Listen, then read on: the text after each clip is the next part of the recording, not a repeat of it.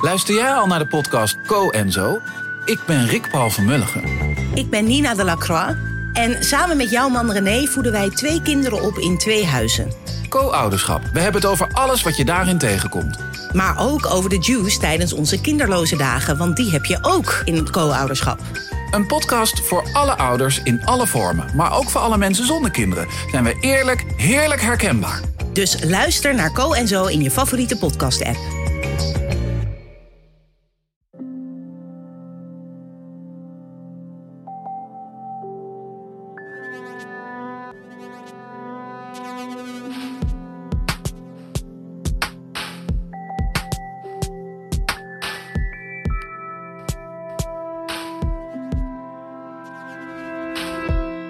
Ik ben Pieter van Relaas. In Relaas krijg je waargebeurde verhalen en die worden verteld door de mensen die ze zelf hebben meegemaakt. Als je aan Kurt vraagt, Kurt, wat doe jij in het dagelijks leven? Dan heeft hij meestal hetzelfde antwoord klaar. Wat hij doet van beroep. Maar tegelijkertijd geeft hij daar een kwinkslag bij en zegt eigenlijk, ik ben helemaal niet mijn beroep, ik ben zoveel meer.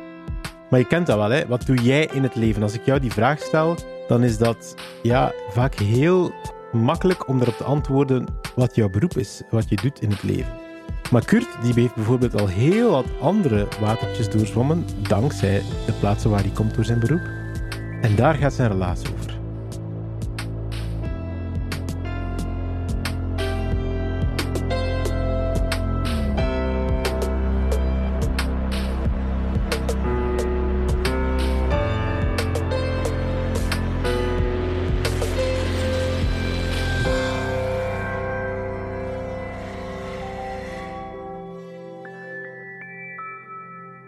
Ja, ik was 23 jaar en ik werkte in een rusthuis eh, bij de technische dienst. En uh, ik, moet ik heb dat redelijk graag gedaan. Ik heb dat ook twee jaar en een half volgehouden. En dat wil wel wat zeggen, want al de andere jobs dat ik deed, dat deed ik maar zes maanden. Is ook toevallig de proefperiode bij de interim hè, vroeger. Ehm, maar dus... ehm, ik, eh, pff, ik ben postbode geweest, ik ben elektricien geweest, ik heb in de, in de houtbewerking gewerkt. En ik heb zelfs eh, een weekje eh, bij de, in het vlees gewerkt.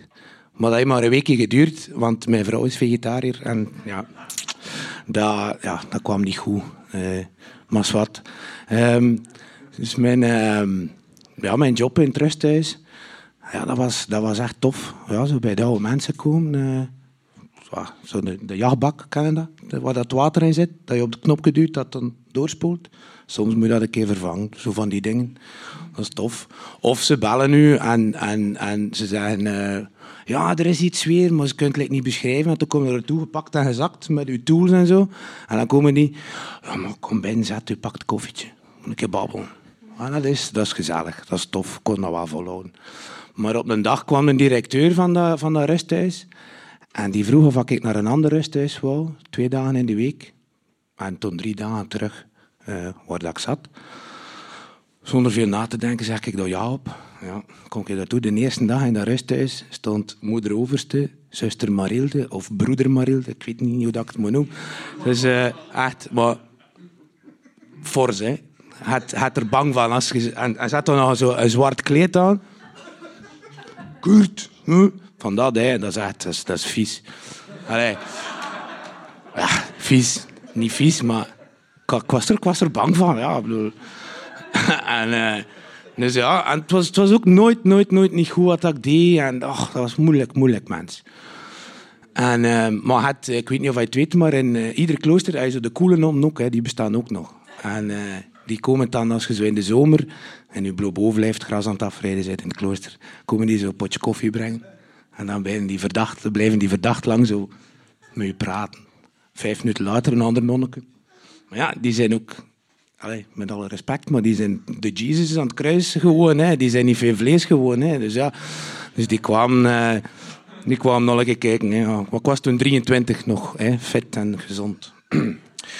Ehm, maar ja, het was allemaal goed en wel, maar toch, broeder Marilde, hè, die, eh, die, ja, die werkte op mijn systeem. Die was altijd over mijn schouder aan het meekijken. En het was, ach, het op een duur lastig. Dus ik had zoiets van, ik ga een naar mijn ouders. Ik ga dat een keer gaan vertellen, want die zijn eh 15 jaar, nee 12 jaar. conciërge geweest van het OCME-gebouw in Yper. En dat is ook een heel, heel groot oud kloostergebouw. Dus ik dacht, die link, die gaan wel weten wat doen. En ehm, op die moment dat ik daar zit bij mijn ouders, zit er daar ook een, een beste vriend eigenlijk. En die is ook technische dienst, maar in het OCME. Ik was, de zielsverwant, tof. Maar ja, die, die had een telefoon en die was bezig tegen zijn kleinkind. Pepe heeft de chauffage geschilderd vandaag. Een grote geuten, gietijzeren chauffage in het wit. Hm, die mens neemt trots in zijn werk, dat is tof. Maar twee seconden later had ik van, wacht een keer. Ga ik dat ook vertellen tegen mijn kinderen, dat ik chauffage geschilderd heb? In het rood, in het wit, in het zwart. Dat is niet spannend. Dus ik heb mezelf eigenlijk gewoon beloofd van, moet je iets aan doen. Hè. Dus ik heb me laten ontslaan in dat rusthuis. En dat was één iemand dat ik me moest oprichten. En dat was broeder Marilde. En die heeft, of de, die heeft Fred, uh, Fred geholpen met mijn ontslag rond te krijgen in dat rusthuis. Dus pak ik een jaartje verlof. Uh, want ik ben ook muzikant, dus ik dacht, ik probeer een keer een jaartje te gooien naar world fame. Maar ja, anders had ik hier niet gestaan. Dus ja, het is dus niet, niet gelukt. En, uh, ja.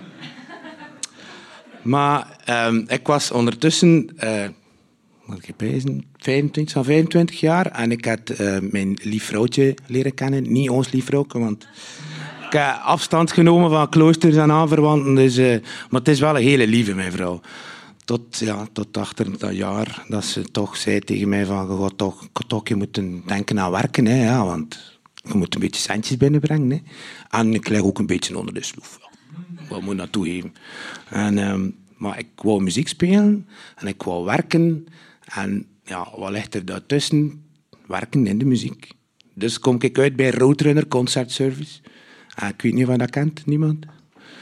Weet, festivals en zo en podia en zo, dat, dat, meestal begint dat leeg. Ja, dat zijn die zo'n typen, dat zijn stagehands noemt dat. En die bouwen alles op. Het, uh, ja, het geluid in hang, het geluid. Ik weet dat nu niet hangt, maar uh, dat dat je hoort. Hè. En dan het licht, hier hangt dat al. Uh, en, maar ja, had ook zo'n scaffolding aan de bouwwerf, aan de buitenkant van de gevel, die, die, die aluminiumpalen met rozetjes en die layers en zo. Ze bouwen zo podiums ook op Werchter bijvoorbeeld. Het podium is zo opgebouwd. Dus je kunt dat ook doen. Maar ja, dat is in de hoogte. Ik heb hoogtevrees, dus dat gaat ook niet echt goed. Dus Clark-chauffeur. Dus ja, Clark-chauffeur, goed, maar ik werk in de muziek. Hè. Dus ja, Clark-chauffeur, voor een beetje te gaan helpen op Werchter, dat opbouwen en zo. Dat duurt een week voor dat podium op te bouwen. En als je chance hebt, dan kun je nog allez, gedurende het festival uh, showcruisen ook. Dat hoort ook bij de job als stagehand. Dat is helpen bij, uh, zo voor Coldplay bijvoorbeeld, al die gele ballonnen dat zij duwen, wij ze mogen opblazen. Allee, ja, dat is toch iets. En um, dus dat is zo'n beetje, ja, werken in de muziek. En dat, ja, dat beviel mij wel. Maar dat is vroeg opstaan. En dat is zo, ja, met vijf man zitten stinken in een auto om zes uur morgens voor naar het festival, het te rijden of naar, het sportpaleis of zo. Ah, dat was toch ook niet dat. Hè. En op een, ja, op een dag van, van een job we bijna gedaan met podium bouwen. Hè. De, de PA hangt, het licht hangt, er wordt nog wat geregeld. We staan te kijken en op dat moment komen ze toe. Hè. Al licht gaat aan, de rook gaat aan, strobo's, alles erop en eraan, trompetgeschal. De backliners komen toe. Ha, ik stond daar. Kijk, hier is een jaar, iedere nacht om vier uur uit mijn bed. Het was, het was één uur in de namiddag en die man op het podium komen machten. Hè. Geen ochtendmens zijnde. Ik zei, yes, dat is hetgeen dat ik wil doen. En um, ja, zo gezegd, zo gedaan. Hè. Toen heb ik beginnen backlinen. En dat houdt in dat je meegaat met groepen voor de gitaren te stemmen, voor de drums op te stellen, voor de keyboards klaar te zetten, soundchecks te doen. Dus ja, dat is, uh, dat is dat wel interessant. Ook als muzikant zijnde. Je gaat alle dagen met instrumenten in je handen, dus hoe schoon kun je het aan? Dat is heel tof. Dus ik dacht van, ja, dat is hetgeen dat ik moet aan. En um, was dat een jaar, een jaar en een half later, bel mijn beste vriend mij van, uh, ze zoeken een drummer bij Vive la Fête. Op Studio Brussel. Zegt hij, doet dat. Dat is goed. Dat is niet moeilijk. Jij kunt dat. Dat was een verdoon complimentje. Maar... Hm. Ja, ik heb een mail gestuurd met een uitleg en al. Een fotootje bijgestoken. En dat was goed. Mocht ik gaan jammen met die man. Maar uiteindelijk, de auditie, ben er weer om. Anders had ik hier niet gestaan. Het is weer niet gelukt. Maar ik had ook in die mail gezet dat ik, backline, allee, dat ik een backliner ben. En dat ik, ging, allee, dat ik op zoek was om met een band op tour te gaan. En voordat ik het ik op een vlieger richting Colombia. Met Vive La voor hun backline te doen. En vond ik dat wel oh, interessant. Zou ik gewoon misschien baan naar mijn vrouw, maar ja, die pakt nooit niet op. Het is een lieve, maar die pakt nooit niet op. Dus um, ja, ik heb toen maar op die vlieger gestapt. Maar ik ging nooit, nooit, nooit van mijn leven niet meer vliegen. Dat is ook weer een probleem voor uh, hoe dat we dat moesten oplossen. Uh, ik heb zo ooit uh, in, was in het vijfde leerjaar de, grote reis gemaakt van Deuren naar Zaventem in een vlieger. Dat was de hel. Hè. Ik kwam thuis achter die dag en zei, ma, ik vlieg dus nooit, nooit, nooit van mijn leven niet meer. Hè. Weet nog, ons lief vrouwtje Veronique, die boekte reis naar Faro. Ik zei, dat zit toch wel twee dagen rijden zeker. Hè? Dan zei ze, gaat toch met de vlieger zijn. Ja, ja, ik heb dat wel gedaan natuurlijk. Hè. Ik zat aan het raam en uh, voordat ik het wist was ik zo vol verwondering aan het kijken door dat raam dat de wereld toch rond is. dus uh, ja, dus ja, wij naar Colombia, daar vijf dagen uh, in Bogota voor één optreden, vijf dagen in dezelfde stad. Dat is wel tof. Dat zijn echt wel uh, toffe jobs. en ehm, het enige nadeel was dat ik vijf kilo verdekt ben achter die vijf dagen in Colombia. Dat is de eerste tour, moet ik even pakken. Hè. Maar vijf dagen, vijf dagen aan een stuk Chateaubriand gegeten. Echt, maar lompe vlees, dat komt in één bord. Uw, uw, uw uh, uh, slaatje en sausje wordt ernaast gepresenteerd. Want er is gewoon geen plek meer in dat bord. Dus echt de max. En uh, ja, dat zijn zo van die ja, culinaire deugden, hoogstandjes. Maar had ook veel culinaire laagstandjes op tour ook. Bijvoorbeeld de keuken van Frankrijk, soms wel een keer teleurstellend. Maar dat is dan op een festival, maar je moet daar niet van wakker liggen. Want het is gewoon, je ziet de wereld al werken, dus kan ik zoiets van, nou, dat is tof, doel geslaagd, ik werk in de muziek. Ja, dat is geestig. En ik ben zo, oh, met, met, met Hoeverphonic, met, met Celassou ben ik weg geweest. Met Zesde Metaal ben ik ook weg geweest. Dat is zo'n beetje rond de kerk. Dat is ook geestig, achter zo toeren. Van, ja, het had wel leuke venues in België. Alleen in Vlaanderen. Hè. Dus, uh, in België ook, maar. Maar dus, um, wat dan mijn punt is eigenlijk, ik ga toch niet aan mijn kleinkinderen, wat ik nooit ga hebben, want ik ken geen kinderen. Ah, maar ik heb wel twee petekinderen, nou, dat, maakt, dat maakt het wel goed. Dat ik nooit niet ga moeten vertellen aan hun dat ik chauffage schilder in het wit of in het rood of in het.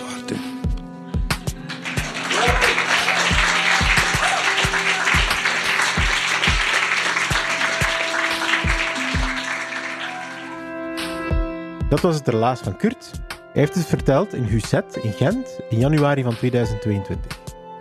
Relaas is er dankzij de steun van de dienst Cultuur van de stad Gent en die van de Vlaamse gemeenschap. Dat zijn twee diensten die ons ondersteunen zodat wij vertelmomenten kunnen blijven organiseren. En dat wij kunnen blijven vertellers coachen, helpen tot zij klaar zijn om op een podium hun relaas te vertellen.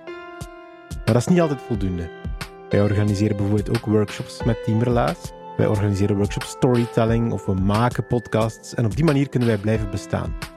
Dus als jij ons nodig hebt om iets van die dingen te doen, weet ons te vinden. Hè? Jij als luisteraar kan drie dingen doen. Eerst en vooral, blijven luisteren, dat is heel belangrijk. En dan kan je ook dit verhaal doorsturen naar iemand aan wie dat je moest denken toen je dit verhaal hoorde. Dat helpt om meer luisteraars te krijgen. Je kan een project met ons opstarten. Misschien heb je wel een VZ2 of een bedrijfje dat iets met storytelling wil doen. Zeker welkom om met ons te praten. En last but not least, je kan ook vriend van de show worden. Dat betekent dat je ons trakteert met een paar euro per maand. Je kan zelf kiezen, uh, eenmalig per maand, per jaar. Het is heel flexibel. En dan word je vriend van onze show via de website. En um, je kan dan op gelijk welke aflevering klikken. En dan krijg je een linkje naar hoe je vriend van de show kan worden. Bedankt om te luisteren en tot de volgende relaas.